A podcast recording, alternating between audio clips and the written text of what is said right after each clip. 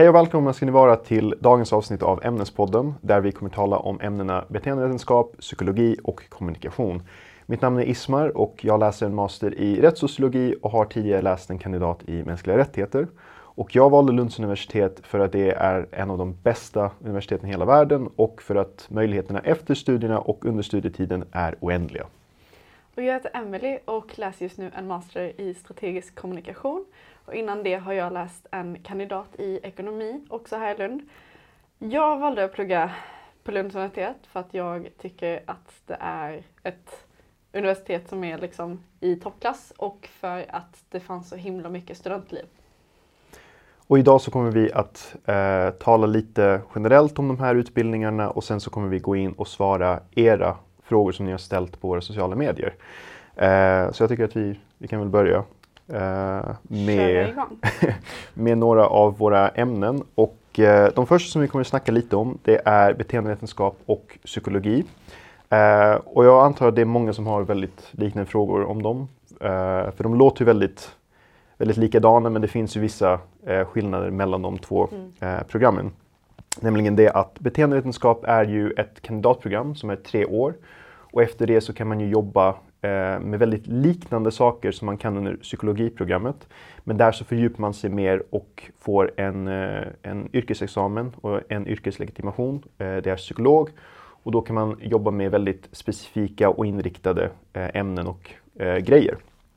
Så vad jag skulle nog säga att de största skillnaderna är det är ju mest liksom kring jobben och liknande. Eh, men själva upplägget är också väldigt lite annorlunda. I beteendevetenskapsprogrammet så kan man ju jobba med, eller kan man läsa andra kurser och liknande medan psykologiprogrammet är väldigt inriktat på eh, att man läser exakt samma kurser och exakt samma ämnen under hela programmets gång. Och det är ganska vanligt också när man jobbar, eller när man läser just yrkesförberedande program eller där du får ja. en yrkestitel att då behöver du läsa ganska exakt de här kurserna för att mm. alla som får samma då, yrkestitel har läst samma kurser. Precis, och de är ju väldigt eh, inriktade på det för att man inte ska liksom mm. gå över till något annat utan eh, de är ju förutbestämda sedan tidigare. Precis. Vilket kan också vara lite skönt men också lite jobbigt beroende på vad man själv känner. Mm. Eh, så då, då har man liksom den möjligheten att kunna välja beteendevetenskap om man känner att det är lite för jobbigt att läsa samma grej Exakt. och ha det förutbestämt. Ja. Eh, och då kan man göra det genom att man antingen läser programmet där man har också ett visst upplägg och kan ha en fristående kurs under en termin. Eller så kan man göra det lite som eh, vissa andra gör och läsa fristående kurser. Precis. Och bygga ja. upp sin, sin examen. Ja men precis och det kan man göra inom många andra ämnen. Bland annat som vi kommer att prata mer om idag också. Um, jag läste ju också fristående på min kandidatnivå. Mm. Um, och det som det egentligen betyder är att man då var termin söker kurser istället för att söka in på ett program. Um, och sen kan man välja antingen att läsa en grundkurs, en fortsättningskurs, en kandidatkurs i samma ämne eh, som till exempel jag gjorde då och sen eh, ta tre kurser eller tre terminer är det ju i andra ämnen bara som man tycker är intressant och som kanske kompletterar väl. Eller så kan man skugga ett program så att man läser typ samma kurser som programmet eh, och får samma examen men att man kanske byter aning eller läser det på längre tid. Det finns liksom jättemånga möjligheter där. Ja, precis. Och det är ju eh, rätt så lika inom andra program också som mm. till exempel sociologi eller social eh, antropologi som är också väldigt lika men som skiljer sig främst i det att socialantropologi kollar ju väldigt mycket på den kulturella sidan eh, och går väldigt mycket in på grupp och individnivå mm. medan sociologi går rätt så mycket in på hur samhället är uppbyggt. Eh, så är man intresserad av den här eh, beteendevetenskapliga sidan som finns i beteendevetenskap och psykologi men känner att man också är lite intresserad av samhällsvetenskap så kan man ju kika på dessa program och kurser.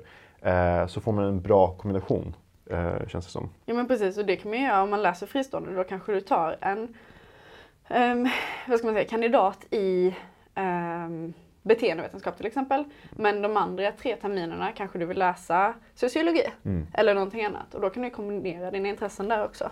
Precis. Eh, och det är ju det som är så himla häftigt också med just alla de här ämnena för vi har ju väldigt mycket att erbjuda. Vi har ju sociologi, socialantropologi, beteendevetenskap, kriminologi, rättssociologi och de är ju väldigt lika i sina upplägg men mm. de går ju in på en specifik inriktning. Eh, så kriminologi kollar ju såklart om den kriminella aspekten inom samhället medan rättssociologi kollar på den juridiska aspekten lite Mm. mera. Eh, så alla har ju sin egen lilla nisch men eh, det är det som, som är det bästa med dem. som. Precis, verkligen. Och där kan man väl också, lite beroende på vilken kandidat man läser, välja olika masters om man är intresserad av att vidareutbilda sig. Ja, precis. Så för mig var det ju väldigt intressant att läsa en master inom rättssociologi eh, då jag hade läst en kandidat i mänskliga rättigheter tidigare. Mm. Och att kunna kombinera på det sättet kändes väldigt bra för det var ju en annan inriktning och ett annat fokus på rättssociologi. Så jag tyckte Ja. att det var lite mer intressant. Och det kan man också göra, byta ämnen. Jo men precis. Det tycker jag är väldigt nice på Lunds universitet just att man, ja men som jag då till exempel, jag läste företagsekonomi som min kandidat med inriktning på marknadsföring och kände att ja, men jag vill ändå typ eh, lära mig mer om kommunikation eh, och det strategiska. Ah, gött, Mm. då kan jag bara söka en master i någonting lite annorlunda som fortfarande liksom, ja men överlappar lite bara. Ja. Och det som är väldigt bra är också att alla dessa ämnen, eller de mesta av dem som inte är yrkesförberedande, de ger ju en möjligheten att kunna läsa en fristående kurs till exempel. Mm. Och då kan man testa sig på någonting som man aldrig har provat tidigare och se om det är någonting för Exakt. en själv. Ja. Eh, fortsätta på en kandidat efter kandidaten eller köra en helt annan master. Ehm, så man får den här möjligheten att kunna testa sig på olika grejer och verkligen känna av vad som funkar bäst för en utan att ha studieuppehåll och liknande. Exakt. Eh, så det är, ju, det är ju hur fantastiskt som helst. Så många möjligheter. Ja, absolut. Eh, och sen så finns det också mastern efteråt, Mm. efter kandidaten, vilket är väldigt bra. Det finns ju en ettårig master som är ju magister då. Mm. Eh, eller så kan man ju köra på tvåårig master. Exakt. Och det gör ju de flesta för det känns Ja. inte lönt att köra på en. Men det kan man också göra. Jo men precis, det är lite vad man ligger i ja, men sina studier och om man, alltså, ja, lite vad man känner efter. Jag valde mellan ett och tvååriga. Ja. Ehm, då magister eller master. Ehm, och jag valde en tvåårig för att då hade, på mitt program då i alla fall, där hade vi en valbar termin. Där man då på mastern också antingen kunde åka på utbyte, göra praktik eller då plugga kurser i Lund. Mm. Ehm, och jag kände liksom att ah, men det här är en fantastisk möjlighet att prova på att jobba lite innan man tar examen. Eh, så då drog jag praktik eh, Mm. på masternivå också. Det tycker jag är jättekul. Ja, och det, det är fantastiskt också för känner man att praktiken till exempel inte var det som man hade förväntat sig under kandidaten eller eh, den valfria kursen, Mm. då har man den möjligheten också under mastern Exakt. att testa sig på det. Ja. Eh, och det är ju superbra, för då, då får man ju liksom en andra chans nästan. Ehm, men vi har ju också kanske upplevt att studier på universitetet är lite annorlunda än vad de är på gymnasiet. Ja. Eh, och det är någonting som vi ofta får frågan om. Är det svårt att plugga på universitetet? Hur är det, liksom, hur är upplägget och så? Jag skulle personligen säga att det är lite både och. Mm. Det kan vara svårare, det kan vara enklare beroende på hur man gör det. Eh, har man ett gott schema, pluggar man ordentligt så, eh, så blir det liksom så svårt som man gör det. Jo men Precis. precis. Alltså det är ju verkligen, det blir vad du gör det till som du säger. Mm. Ehm, det är, alltså man brukar ju börja med en grundkurs. Och börjar man med en grundkurs då är det ju vanligt att det är gymnasiestudenter, eller de som har tagit studenten då, ehm, som börjar. Så skolan vet ju om det också. Liksom. Det finns väldigt mycket hjälp att få, för det kan vara en kontrast ändå direkt när man byter. Ja. Ehm, men man lär sig ganska snabbt tycker jag. Um, och det finns som sagt så himla mycket stöd att få om man tycker att det är svårt. Man kan träffa dels andra studenter som är äldre som hjälper till. Uh, man kan gå till studievägledare som kan hjälpa en att lägga upp plugget och liknande. Um, och så finns det någonting som kallas för SI-lektioner. Jag vet att vissa gymnasieskolor också har det.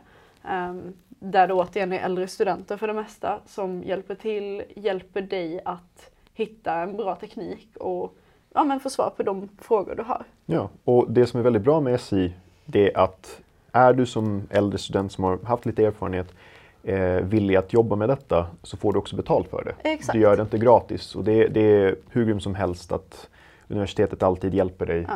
eh, med Så det är lite så här studier. med långsiktigt tips för er Ja. som kommer och pluggar. Tänk på det, det är ett väldigt bra, väldigt bra tips. Och så är det en bra chans också tycker jag att få repetera. Ja. För så tycker jag att det är i alla fall det jag läste termin ett i Lund. Mm. Det är ju det är klart att man kommer ihåg vissa delar av det men det finns ju definitivt luckor nu. Absolut. Um, om man då får möjligheten att göra något sånt och det är ju en fantastisk möjlighet att faktiskt. Och det, du vet, ibland så kan ens lärare kanske inte ge all, alla tips som Nej, men, behövs. precis. Men du har ju gått igenom kursen tidigare och du vet vad, Ja. vad den kommer handla om. Så då är det väldigt bra att man kan liksom bolla med tidigare studenter eh, och se vad som funkar.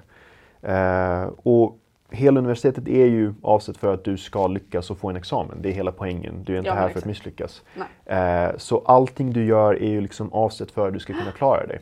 Eh, så det är, inte, det är inte det svåraste i hela världen. Du kommer lyckas med det. Exakt. Jag personligen kände att i gymnasiet hade vi flera kurser samtidigt och nu har vi kanske en Det är på sant. taget. Det är en stor skillnad. Att man läser för det mesta, alltså det finns vissa undantag, men för det mesta läser man ju verkligen en kurs, Mm. man tentar av den eller då har sin examination ehm, och sen går man vidare till nästa. Det händer ju att man läser två, eller det beror på ämne också, men inom samhälle är det ju väldigt vanligt att ha en åt gången. Ehm, och då kommunikation. Ja, och det är ju, du har det kanske två gånger i veckan max, lektioner. Och sen resten av tiden är ju eget ansvar att du Mm. pluggar. Och lektionerna kan ju vara mellan en timme och 45 minuter. Eh, så det kan ju kännas som att du inte har väldigt mycket och du har tid för att slappa. Men det är inte avsikten. Du ska Nej. plugga eh, efter lektionerna och liksom kunna lägga upp ditt egna, dina egna studier. Eh, hur du gör det, vad som än funkar bäst för dig, det är ju lite upp till var och en. Mm. Eh, men det är inte så enkelt som det kan liksom verka i början eller att det är lite avslappnande. Nej men precis, så chill. Så man Precis. ändå här när man får sitt schema bara, oh. Det är störst skillnad Ja. efter gymnasiet. jo men det är det ändå. Man är ju inte i skolan på samma sätt som man var på nej, gymnasiet. nej. Och det är ju, eh, ja. Vi brukar också få den frågan som jag tycker är väldigt bra. Kan man äta på skolan? Ja. Det kan man, men det är inte samma skolmat som man har. Nej precis, man har ju inte under- en skolmatsal på det sättet. Precis. Eh, det tyckte jag var ganska lyxigt när jag bytte då från ehm, alltså ekonomi till samhälle. Att Mm. På samhälle har man ju faktiskt liksom ett riktigt så här studentkök, Ja. pantry. Ja. Det är ju riktigt lyxigt. Ehm, men ja, i alla fall. I alla fall. Det finns eh, vissa skillnader. Det finns det. Eh, och de är ju lite både bra och kanske lite jobbiga i början, men man, man vänjer sig vid det. Men sen ska man också komma ihåg det tycker jag att Alltså på gymnasiet har du många ämnen som du måste läsa trots att du inte tycker de är intressanta. Ja, Men på universitetet då har du ju valt ett ämne och det Mm. här läser du för att du tycker det är kul eller för att du vill jobba med det. Så du har en helt annan motivation också. det är Att mycket faktiskt enklare. Exakt. Ja, det gör det. Ehm, man är intresserad av det liksom. Eh, Men ni har ju också ställt en massa frågor som Mm. ni eh, vill ha svar på. Så jag tänker att vi kan eh, göra vårt bästa och Vi försöka hoppar svara. in i Vi hoppar in i... den delen nu. eh, Så den första frågan vi har fått är, har man praktik under beteendevetenskapsprogrammet? Och ja, det har man. Eh, De flesta kandidatprogram erbjuder praktik Mm. under en av de sista terminerna. Och det är ju antingen efter man har skrivit eh, sin, eh, sin kandidatuppsats eller terminen innan. Mm. Så det är lite beroende på vad man läser, men man det har kan ju praktik. också variera eh, på om du läser fristående eller inte. Ja, För läser du fristående kan du ju själv välja om du först vill göra examensarbetet och sen göra praktik. Mm. Vilket, alltså det finns ju vissa fördelar med Ja. det. Eller göra tvärtom. Eh, att du först då, eh, vad blir det, gör praktik och sen eh, skriver ditt examensarbete. Men det viktigaste är att tänka på att det finns möjligheter till det. Mm. Och känner du att det kanske inte har gått så bra under praktiken så kan du testa dig på om du pluggar en master och se hur det funkar med praktik där. Ehm, och det som är väldigt bra med praktik känner jag är att du får också en möjlighet att se hur det är att jobba med det Mm. ämnet som du har valt att plugga. Och hur det är att liksom komma in i arbetslivet, hur det är att skicka en ansökan, hur det är att skicka ett CV och liknande. Eh, så det är ju hur bra som helst Ja. eh, med praktiken känner jag. Jo men det håller jag med om. Jag gjorde ju praktik i höstas och tyckte verkligen att eh, det var ett så skönt sätt att testa på liksom. För visst, jag har pluggat detta i hur många år som helst nu. Mm. Men att faktiskt få jobba typ mer eller mindre heltid med någonting. Ja. Eh, också att ha liksom ett team som du jobbar med som kan lära dig mer det praktiska. Ehm, och ja, men att få göra så många olika uppgifter. Um, det var en så himla bra liksom, sätt att bredda sin kunskap också. Ja, alltså du får ju verkligen visa vad du har lärt dig. Mm. Vilket är ju hur skönt som helst. Verkligen. Ehm, och det, det är ju också väldigt viktigt att påpeka att det är inte bara kandidatprogrammen som har eh, praktik. Till exempel psykologiprogrammet, de erbjuder ju också eh, praktik. Mm. Eh, och då är det under cirka 15 veckor som du har det på termin 6. Och då är det antingen via en institution eh, via institutionen förlåt, eh, för psykologi, psykologiprogrammet som du får det. Ja. Och då är det på Region Skåne eller liknande. Eller så kan du själv känna av och se, jag vill kanske testa på Mm. att söka praktik någon annanstans på ett annat ställe som känns bra för mig. Eh, det är lite upp till, till var och en. Men Ja. eh, praktik, praktik går att finna i alla Ja fall. men verkligen. Ehm, och praktikansökan, Mm. den är också lite olika beroende på vad du, um, vad heter det, vad du pluggar. För som du sa med Ja. psykologiprogrammet, där har du en helt annan det är mer en yrkespraktik, Ja. alltså inför att du får din då, yrkestitel. Ehm, men för mig var det till exempel att skolan har några olika företag i sitt nätverk ehm, som lägger ut praktik. Men om man inte tycker det låter intressant eller om man vill göra något lite annorlunda eller bara liksom inte får en av de platserna så får man söka själv. Så det var vad jag gjorde. Mm. Och då um, hörde jag av mig till massa ehm, olika företag, skickade CV, presenterade mig själv liksom. Och sen så fick man ju svar. Fick Ja. man gå på intervjuer lite så. Så det var ju som en riktig jobbansökningsprocess. Mm. Ehm, perfekt övning. Sen vet jag vissa andra som typ sökte via Facebook till exempel. Att man hittar någon Facebookgrupp eller bara så här slänger ut en fråga. Samma sak med LinkedIn typ. Mm. Våga testa överallt. Eh, för det kan ju hända så att du vill ha en praktik någon, någonstans där du kanske känner att oj, det här har ingenting med mitt ämne som jag läser att göra. Men det finns en möjlighet att du kan sälja, Mm. eh, sälja det väldigt bra och att folk är intresserade av att ha det där som praktikant. För de flesta praktiker erbjuder ju inte någon lön eller liknande. Så det är Nej, fullt precis. möjligt att du kan få en praktiktjänst Mm. där. Eh, jag vet att när vi hade vår eh, kandidat i mänskliga rättigheter så var det en kille som var väldigt intresserad av fotboll Mm. och tyckte att han borde jobba med mänskliga rättigheter på fotbollsklubben med MFF. Mm. Så han sökte en praktik där, fick det och det ledde till jobb Jo senare. precis. så man kan verkligen Så det jobba kan ju med vara vad som lite helst. här otippade också. Ja, där man inte riktigt tänker. precis. Eh, testa dig på, Exakt. säga. Eh, testa och se. Och eh, oftast så är en praktik ehm, mellan en halv och en hel termin, lite beroende på vad du gör. Mm. Jag vet att vissa program och vissa liksom, institutioner erbjuder en halvterminspraktik också. Mm. Eh, men det vanligaste är att du gör en hel, vet du det, helterminspraktik. Ehm, så för mig var det att jag hade motsvarande 16 veckor helt, heltidsarbete av då 20 veckor som terminen är. Och så de sista fyra veckorna ehm, var skolarbete, så man fick göra någon form av rapport. Men man kunde lägga upp det lite hur man själv ville. Så för min del så jobbade jag fyra dagar i veckan och hade en dag i veckan där jag eh, eh, pluggade. Mm. Så man kan lägga upp det på lite olika sätt, också. Det tycker jag är väldigt nice. Ja, och du kan ju alltid höra av dig med eh, praktikplatsen och säga går det bra att vi lägger upp det på det här sättet? Exakt. Stäm av lite innan. Mm. Eh, det brukar lösa sig också. Folk är väldigt flexibla vid det. Absolut. Eh, och det, det är väldigt viktigt att du har en praktik som du känner dig också väldigt bekväm i och att det är någonting som är intressant för dig. Eh, för det här är ju lite avsett att du ska kunna testa dig fram och se vad som funkar för dig, vilka jobb som är intressanta. Eh, så våga satsa på den där drömpraktiken som du är intresserad av. Eh, och sök överallt. Definitivt. Skicka ansökningar Definitivt. lite överallt. Ja. Men om vi går vidare till nästa fråga som vi har här och det är, är det mycket teori och läsning på psykologiprogrammet eller är det mer diskussioner? Så jag skulle säga att det är en bra kommunikation av teori och läsning. Du har ju väldigt mycket som du ska plugga på och kunna förstå, väldigt många teorier och eh, ämnen som du måste liksom plugga in. Ja, gud ja. Men sen så är det också väldigt mycket diskussioner Mm. och det gäller ju för de flesta program. Exakt. Det är ju en ganska stor del av universitetet också att man inte bara sitter och pluggar själv utan att man också har de här seminarierna eller mindre grupper där man får Precis. liksom om man pratar, man får olika perspektiv på saker och så också. Mm. Och det är ju avsett också som en viss examinationsmoment. Exakt. där läraren kan se eh, hur du jobbar med detta. Du får ju en uppgift innan seminariet. Mm. Eh, och du får ju också en möjlighet att kunna ställa några frågor och bolla idéer. Eh, och det, det är någonting som jag känner var väldigt, väldigt gött med universitetet. Att du är ju konstant i den här diskussionsbubblan.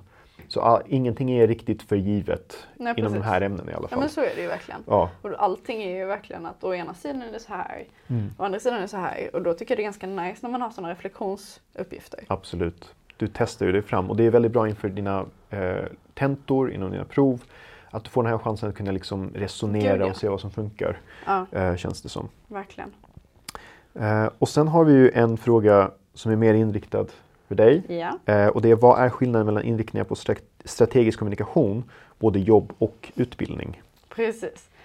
Så då finns det ju, för de som inte vet, två olika kandidatprogram i strategisk kommunikation. Ett som är alltså strategisk kommunikation, strategisk kommunikation. Så det är väldigt fokuserat på hel, helhetsämnet liksom. Och ett som är strategisk kommunikation, digitala medier. Och det första fokuserar mer på ehm, ja, men de generella ämnena som, är, som finns inom strategisk kommunikation. Så det är organisationskommunikation, det är PR, det är kriskommunikation, politisk kommunikation. Ehm, um, Medan digitala medier då, precis som det låter, har mycket mer av ett digitalt fokus. Um, det, likheterna mellan programmen, termin 1 och 2, är uh, basically samma. Uh, jag tror man till viss del läser tillsammans till och med. Um, och sen efter då termin två så började det splitta på sig lite. Um, och inom digitala medier så läser man då mycket mer digitalt. Man läser lite om liksom, webb och eh, sådana ämnen medan man då inom vanlig strategisk kommunikation, eller vanlig, ja, det andra programmet i strategisk kommunikation, um, läser mer då politisk kommunikation, PR och liknande. Um, när det kommer till jobbmöjligheter så, alltså generellt sett inom kommunikation som ämne, um, så kan man jobba som jättemånga olika saker. Um, men återigen, det digitala medier, um, kandidatprogrammet, ger ju dig mer kompetenser inom det digitala. Så du kan jobba till exempel som typ webbredaktör för sociala medier, som um, webbstrateg, som digital projektledare, eller typ så här, digital kommunikatörstrateg. Det är väldigt fina ord här. Men fokuset är, eller så här, vad jag menar är bara att man kan jobba mycket mer digitalt. Man kan ju naturligtvis göra detta också om man har läst det vanliga programmet i strategisk kommunikation. Men du har kanske inte fått samma verktyg till att börja med. Så det kanske är en annan startsträcka. Mm. Att liksom lära sig de här delarna också. Det beror ju lite på också vad du gör på din valbara termin. Ja. För den valbara terminen kräver så mycket. Um, för vad du i slutändan liksom får ut. Um, ehm, båda programmen har praktik um, och man kan också välja att göra utbyte. Och när du läser det vanliga programmet i strategisk kommunikation, då är det ju, du kan jobba som kommunikatör, du kan jobba som marknadsförare och liksom analytiskt mer. Du kan jobba som politisk opinionsbildning kan du jobba med uh, och typ uh, som PR-konsult till mm. exempel. Eh, så det finns vissa skillnader men i slutändan hade jag inte stressat för mycket om vad du kan bli när du läser det olika utan jag hade snarare funderat på vilket av de här tycker jag låter mer intressant att läsa. Ehm, det är väl snarare där tycker jag som Ja, och det, vi får ju väldigt ofta frågan vad kan man bli när man läser ett visst ämne? Ja. Eh, och oändligheterna är ju, eller möjligheterna, eh, möjligheterna är ju eh, oändliga. Men så är det ju verkligen. Det är det. Och det, jag fick höra det av någon lärare att det är inte helt ovanligt också att man inte riktigt jobbar med det som man har Nej. läst, vilket kanske låter lite omotiverande. Men alltså, du läser ju mycket för att ja, men du tycker det är kul, du tycker mm. det är intressant och genom att läsa de här olika ämnena så inser du ju liksom, okej okay, det här är kul, det här vill jag jobba med, det här vill jag kanske inte faktiskt jobba med. Mm. Jag trodde det var mycket roligare än vad det faktiskt är. Ja. Um, så det är ju, oavsett tycker jag inte att man ska stressa för mycket. Och det är ju inte svårt heller att byta. Nej. Och det, nu vet jag inte från egna erfarenheter men jag kan ju tänka mig att det inte är alltså, supersvårt om du väljer det ena kandidatprogrammet eh, och sen känner att mm, det andra kanske är mer för mig. Just för att första året är ju ja. samma ämnen.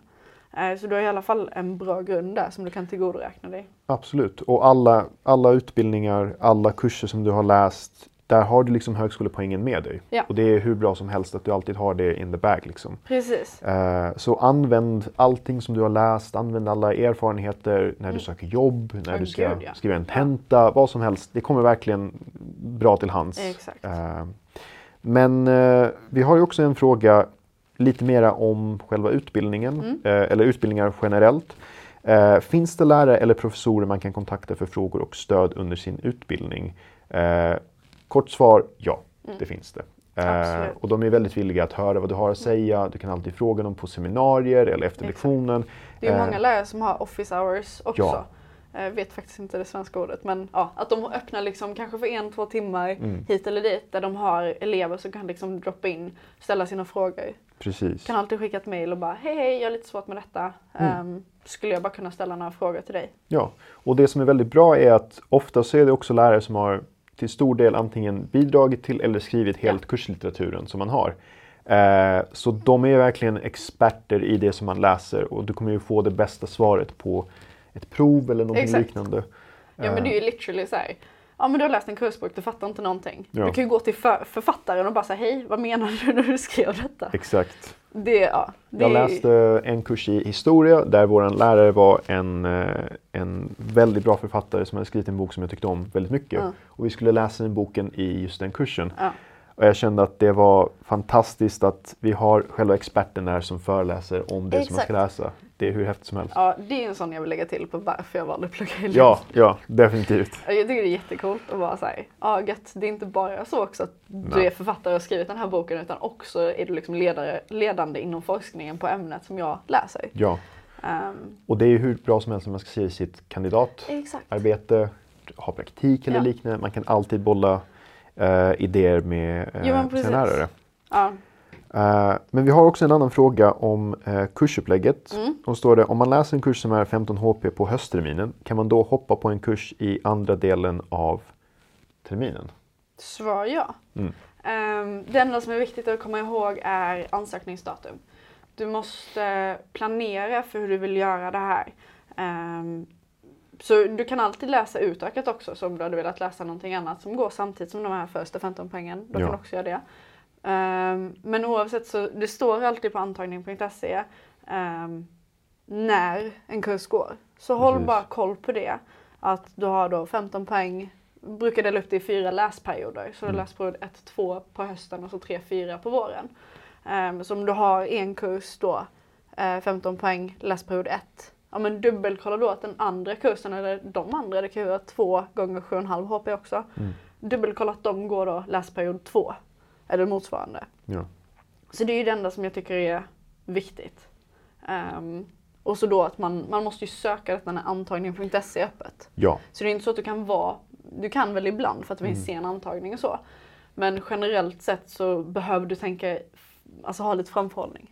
planera hur du ska göra. Det, Ja. det är nog en av de viktigaste grejerna på universitetet. Håll koll på datum, planera ditt upplägg. Eh, Framförallt om du läser fristående. Ja, då är det väldigt viktigt. För då ligger ju ansvaret väldigt mycket Exakt. eh, på dig själv. Mm. Och det är ju lite det som är en av de största skillnaderna mellan eh, fristående kurser och program skulle jag nog säga. Jo men det skulle jag också säga. Det kan ju liksom också, om man glömmer att hålla koll, som jag gjorde vid något tillfälle.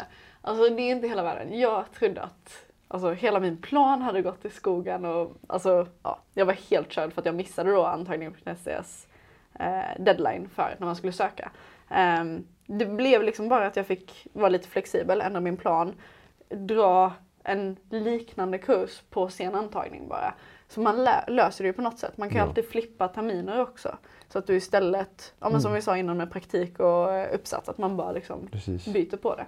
Ehm, så det är inte hela världen, men försök hålla koll på Ja. datum. Ja. Eh, och som, som vi nämnde tidigare, det är liksom avsett att du ska kunna ta examen. Så all hjälp som du behöver, det Ja. får du också. Eh, det som jag skulle säga är också en stor skillnad mellan program och fristående kurser är ju lite det att program är ju avsedda för att om du inte vill oroa dig kring de här datumen Exakt. och liknande, då har det lite av eh, en trygghet i det. Jo men det Eh, har du ju. Ja, Och samma sak om du inte vill liksom hitta på själv vad du ska läsa. Precis. Så har du något som är liksom, det här kan du läsa och då kommer du få denna examen och då kan du jobba med detta. Det är Ja. liksom, man får det på ett silverfat. ja, Ehm, jag läste ju egentligen bara fristående för att jag inte var säker på vad jag ville börja med. Mm. Alltså när vi tog studenten, då var jag lite såhär, ah, jag vill gärna prova på att plugga för jag är inte plugg, alltså, Mm. trött på det. Men jag vet inte vad jag tycker är kul. Så jag Nej. söker en kurs och fortsätter därifrån. Liksom. Ehm, så att eh, det finns ju väldigt många anledningar till varför man väljer ja, program versus fristående. Eh, Det vet jag att vi har på Lunds universitets blogg bland Ja, annat inlägg om skillnader och för och nackdelar och så. Mm. Så det är ett hett tips, eh, säger jag också här. Um, vi hade lite andra frågor om uh, just skillnaden fristående kurs och program. Um, till exempel med kandidatexamen. Finns det någon skillnad i det mellan fristående program? Ja, det tror jag nog att det mm. väldigt mycket finns. Uh, alltså man måste ju ha en annan koll när ja. man läser på uh, fristående att gör jag nu rätt för att kunna ta den här examen? Ja. Generellt sett läser du grundkurs, fortsättningskurs och kandidatkurs inom samma ämne. Och det här gäller ju då inte bara för beteendepsykologi och kommunikation, eller då framförallt beteende och kommunikation, utan också för andra ämnen. Um, men läser du då grundkurs, fortsättningskurs och kandidatkurs inom samma ämne och sen tar 90 poäng inom något annat, då kan du ta ut en filosofikandidat. Mm. Så är det liksom generellt sett. Eh, eller inte generellt, det är så det är. Ja. jag, jag, vet inte om det finns någon liksom så här grundkurs, fortsättningskurs, kandidatkurs kombination som inte är så. Men det är lite där det kommer in att du måste hålla koll. Jag hade ganska nära kontakt med studievägledare för att vara säker på att jag gjorde rätt. Nu skuggade jag ju också ett program så då är det extra viktigt. Mm. Den, alltså jag får ofta frågan om det, vad är skillnaden på att skugga ett program och bara läsa fristående? Och det är ju då för mig till exempel att istället för att få en filosofikandidat i till exempel företagsekonomi så fick jag en ekonomikandidat eh, med inriktning på företagsekonomi, marknadsföring. Och det är liksom, det var bara precis för att jag Ja men jag tänkte att en, en ekonomikandidat är bra men nu i efterhand så är det liksom så här, jag tror det kvittar. Mm. Jag tror verkligen inte det gör någonting. Men det är ju också en sån fråga som vi får väldigt ofta eh, kring examen på ja. fristående kurser och program. Eh, där man kanske känner sig lite nojig över hur funkar det när man läser fristående kurser? Exakt. Kan man ta en examen precis på samma sätt? Det är ju lite upplägget som skiljer sig. Men man kan ju fortfarande ta en examen. Absolut. Eh, precis som på samma sätt. Du är med där och tar en examen mm. som, tillsammans med dina kursare. Men sen så är det lite också annorlunda. Du, du pluggar ju med olika individer under Exakt. din studietid. Ja, och det Alltså det är så många gånger jag fått frågor om det. Mm. Så här, är det svårt att hitta vänner? Är det liksom, ja men får man vara med i studentlivet? Ja. Alla sådana. Svar på fråga ett, nej. Svar på fråga två, ja. Mm. Tror jag. Alltså, det är inte svårt att hitta vänner. Och ja, du får lov att vara med i eh, studentlivet. Eh, du kan gå med i studentlivet precis som vilken student som pluggar på program. Mm. Eh, jag tyckte inte det var svårt att hitta kompisar. Um, det är liksom, du är aldrig ensam att läsa fristående heller utan det finns fler. Och ni, man, man lär sig liksom att känna igen varandra också. Ja. Så att man säger, ah, läste du också denna kursen? Gud vad kul. Mm. Um, och man kan ju alltid umgås efter, exakt. efter uh, studierna. Så är det ju verkligen. Ja. Uh, engagera sig i studentlivet. Mm. Då hittar man hur mycket vänner som helst. Ja. Kanske till och med någon som du råkar läsa samma kurs som för att du läser fristående och inte liksom följer ett program. Um, man börjar ju också, alltså första terminen då läser du en grundkurs. Och grundkursen går alla som börjar programmet också. Mm. Så första terminen kommer du gå med alla andra som också är nya i Lund. Och där kanske du hittar ditt gäng. Du får lov att vara med på nollningen. Ja. Den blir du också bjuden till. Jag tror jag har blivit bjuden till tre nollningar för att jag har läst tre grundkurser. Uh, så att uh, det finns ju till och med kanske fördelar ja. med att läsa fristående. Um, men nej, så jag tycker verkligen inte att det har varit ett problem. Och det är ju som sagt att är du osäker på om du hittar någon i klassen så kan du ju också ja, men engagera dig på nation. Nationer och organisationer är ju ja. hur bra som helst för, för att ha kontakter och liksom träffa nya vänner. Eh, för ibland kan det bli lite jobbigt när man läser någonting. Eh, alla kan, kanske är lite fokuserade på studierna, mm. eh, även om man kan skaffa vänner där också och ha liksom studiecirklar och liknande. Eh, men det kan vara lite hektiskt och man kanske inte känner för det. Men på nationer, organisationer, Exakt. Där blir det lite enklare och där kan man Absolut. verkligen komma igång. För det är en annan, annan stämning. Och du kan ju också gå med i din kår. Ja. Så om det är så att du inte är helt säker på om du hittar någon i klassen bara genom att sitta på en lektion. Så gå med i kåren för där finns ju andra som pluggar samma sak som dig. Ja, och du kan påverka där. Exakt. Det ger dig väldigt bra yep. eh, erfarenheter inför arbetslivet, eh, liksom ledarskap och kommunikation och liknande. Hur bra som helst. Um, och det är ju, alltså alla dessa grejer är också väldigt bra när man tar dem in i studierna. Ja. Känns det som. Absolut, uh, jag vet att jag. de här organisationerna, nationerna, nollningarna, allt det, även om det kanske inte känns som, som att det är väldigt bra, så ger det eh, liksom ett annat perspektiv när man ska ta sig an eh, sina studier. Mm. Um, så tyckte jag i alla fall när det, när det kom till att skriva en tenta, Eh, lägga upp mitt upplägg, för det, för det får det liksom att kunna veta, okej, den här veckan kanske jag inte kommer hinna med att plugga så mycket, men då kan jag lägga Mm. exakt. upp det på lite andra sätt. Ja. Eh, och det är bra när man har en tenta, en tentamen som är ett prov till exempel på kanske Exakt. en vecka, när man skriver det hemma. Eller en salstenta som man skriver på kanske några timmar. Ja. Eh, så då är det väldigt bra att man kan lära sig Exakt. att liksom lägga upp det på ett väldigt bra sätt. känns som. Riktigt snygg transition till nästa fråga du. Tänkte det. Ehm, hur, ser, hur vad står det, kan examinationer se ut och hur långa är de? Ja, så det finns ju olika sorters examinationer. Vi har ju nämnt några av dem. Men de allra vanligaste är ju att man skriver en salstenta eller en hemtenta. Eh, och en salstenta det är som ett vanligt prov som man skriver på gymnasiet. Det skriver man i en stor sal och så finns det någon som är en tentavakt. Eh, och då skriver man det kanske i, vad blir det? Typ fyra timmar. Fyra timmar något Alltså det är så länge sedan jag hade tentor. Ja, På grund av liksom pandemin. För att Ja, man har ju inte kunnat sitta i skolan på samma Nej. sätt. Men jag tror standard är typ Fyra fyra tim- timmar. ja, det finns sånt. ju de som är kortare och de som är längre också. Ja, beroende på Men- tentan också. Ja, exakt. Beroende på lärare, kurs och Mm. ja, vad det är du ska tenta på. Ehm, du kan också ha delmoment som tillsammans blir liksom ditt helhetsbetyg. Ja. Så du kan ha seminarier. Dels de som är godkänt och underkänt och Ja. de där du har liksom betyg. Mm. Ehm, redovisningar. Redovisning finns också. Det finns också. Ja. Ehm, uppsatser.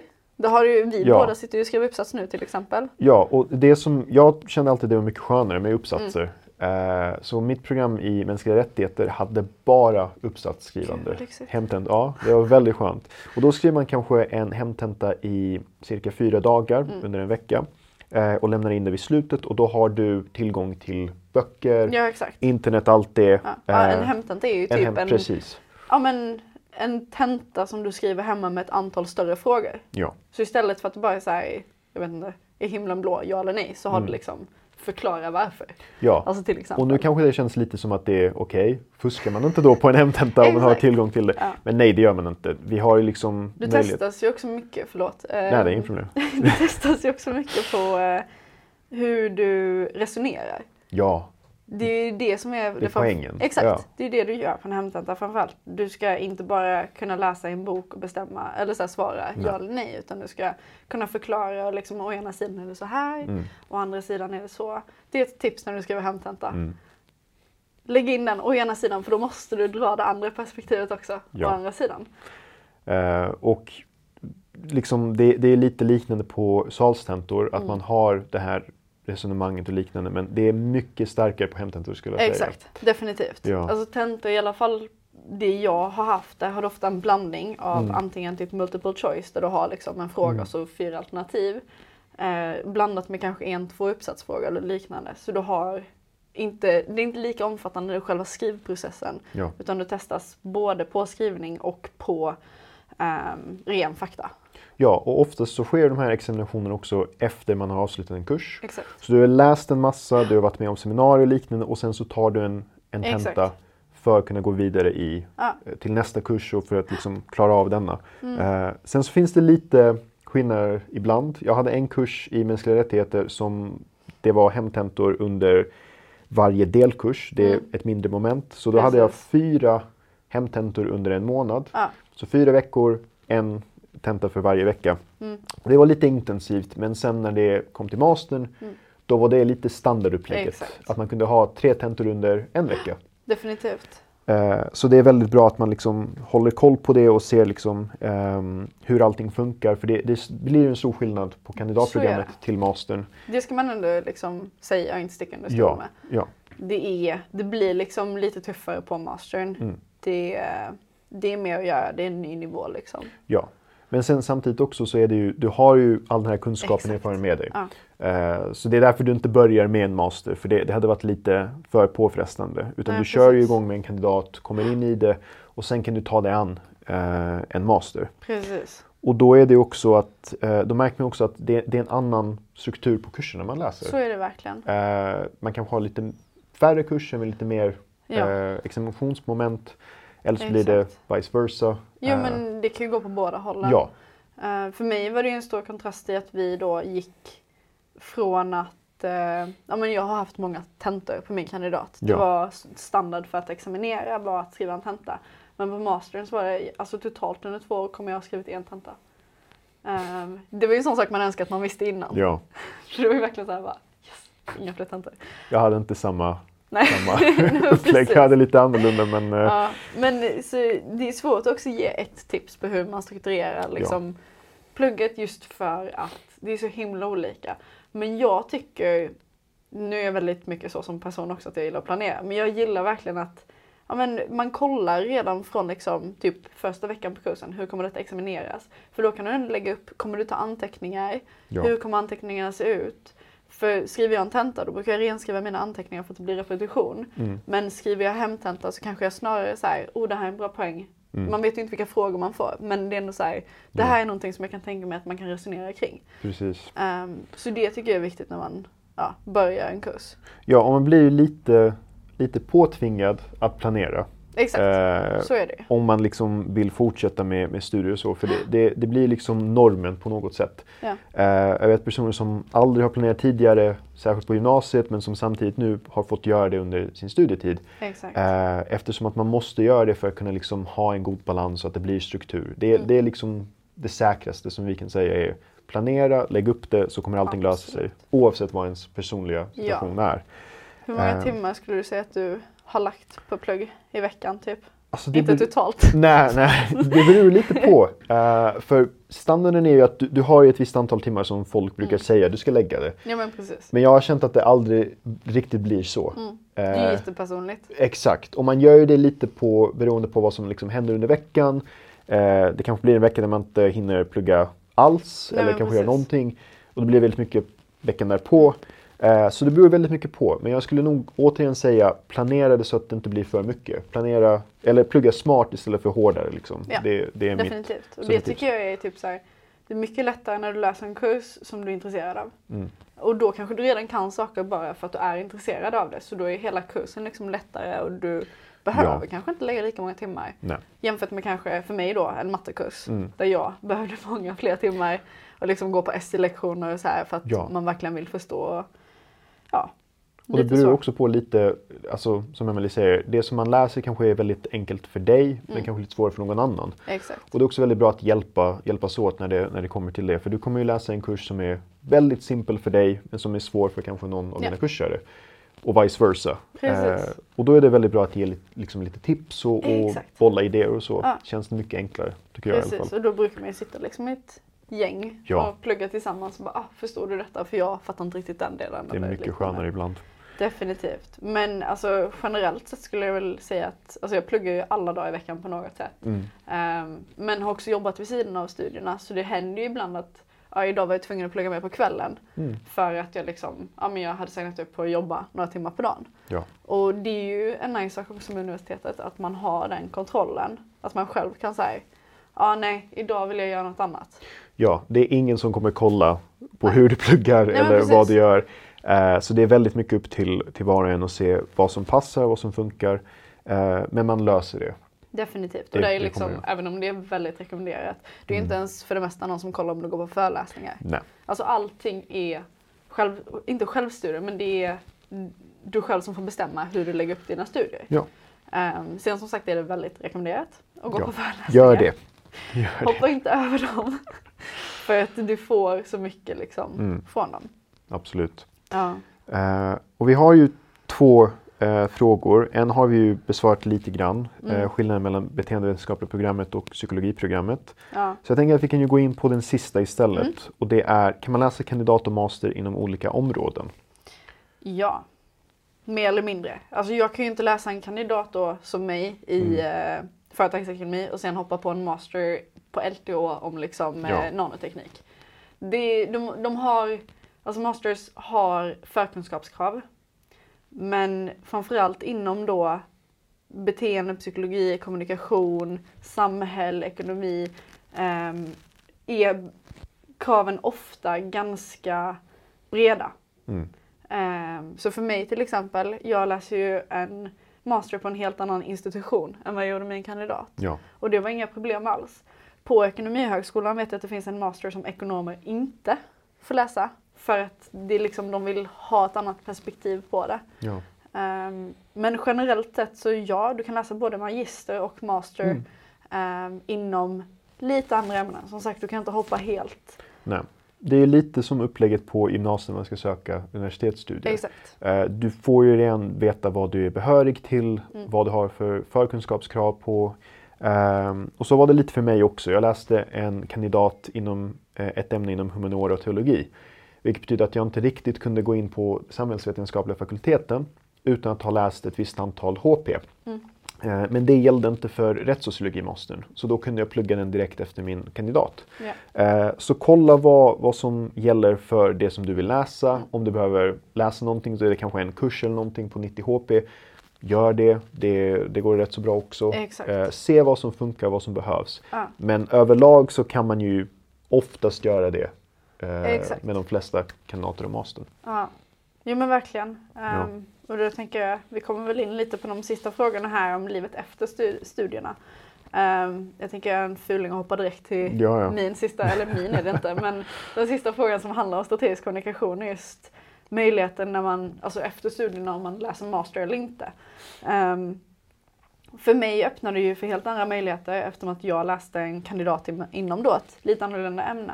Och det är ju också någonting som är i min, vad ska man säga, mening, eller Mm. enligt mig är det en helt fantastisk möjlighet som man får på Lunds universitet. Att man kan bredda sin kompetens medan man specialiserar sig via mastern. Mm. Ehm, för jag hade till exempel inte läst så mycket kommunikation. Men istället hade jag läst mycket till exempel marknadsföring. Mm. Ehm, så man blir ju både mer specialiserad och mer liksom bredd i sin kompetens genom att blanda. Ja. Eh, och det öppnar upp för andra jobbmöjligheter naturligtvis då Mm. för att jag har fler kompetenser som jag inte hade innan. Ja, och det är ju det är lite standarden för de flesta program att eh, det är lite upp till var och en att se vad som funkar, vad som passar, vad som är intressant att jobba med.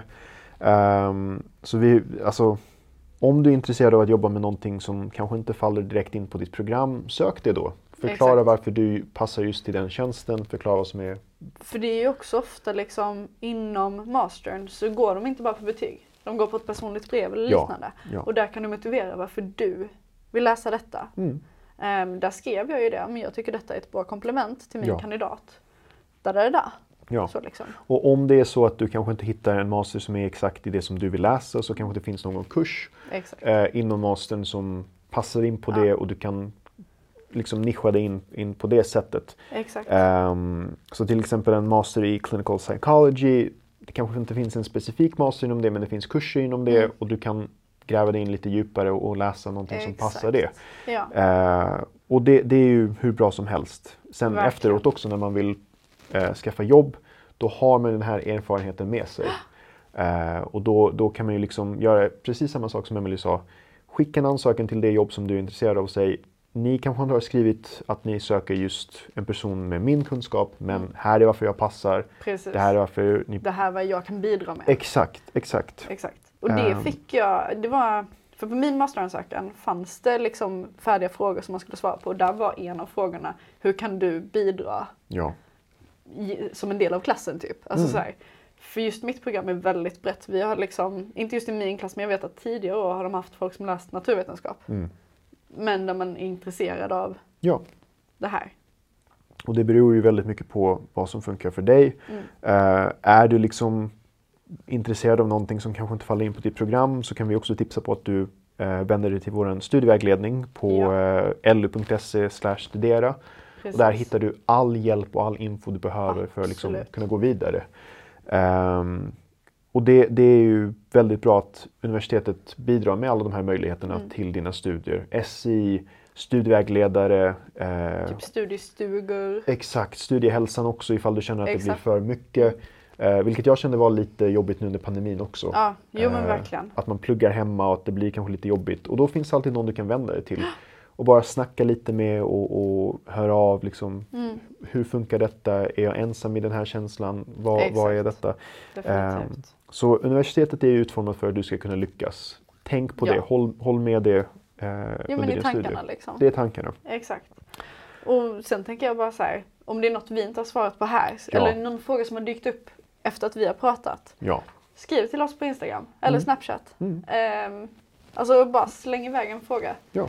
Och kika gärna vår blogg eh, Lundestudent. Där hittar ni alla eh, all tips all info ni kan tänka er om. Eh, för där skriver vi om våra erfarenheter. Mm.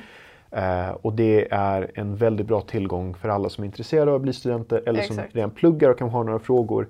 Gå in där och kika så hittar ni en massa olika grejer att läsa om. jo men precis, det är ju allt från så här, tips till att plugga dels på plats, dels på distans till vad finns det för sätt att engagera sig i studentlivet. Mm. Eh, till exempel, eller Ja. som jag sa innan, fristående versus eh, på program. Vad är Mm. skillnaden för nackdelar? Tips. Ja, Ja. väldigt massa grejer att kolla på. Mm. Eh, men med det sagt så eh, vill vi tacka för oss. Eh, tack för att ni har lyssnat och kollat. Ja, just det. Uh, ja. ja, för er som lyssnar så finns det inspelat också. Exakt, exakt.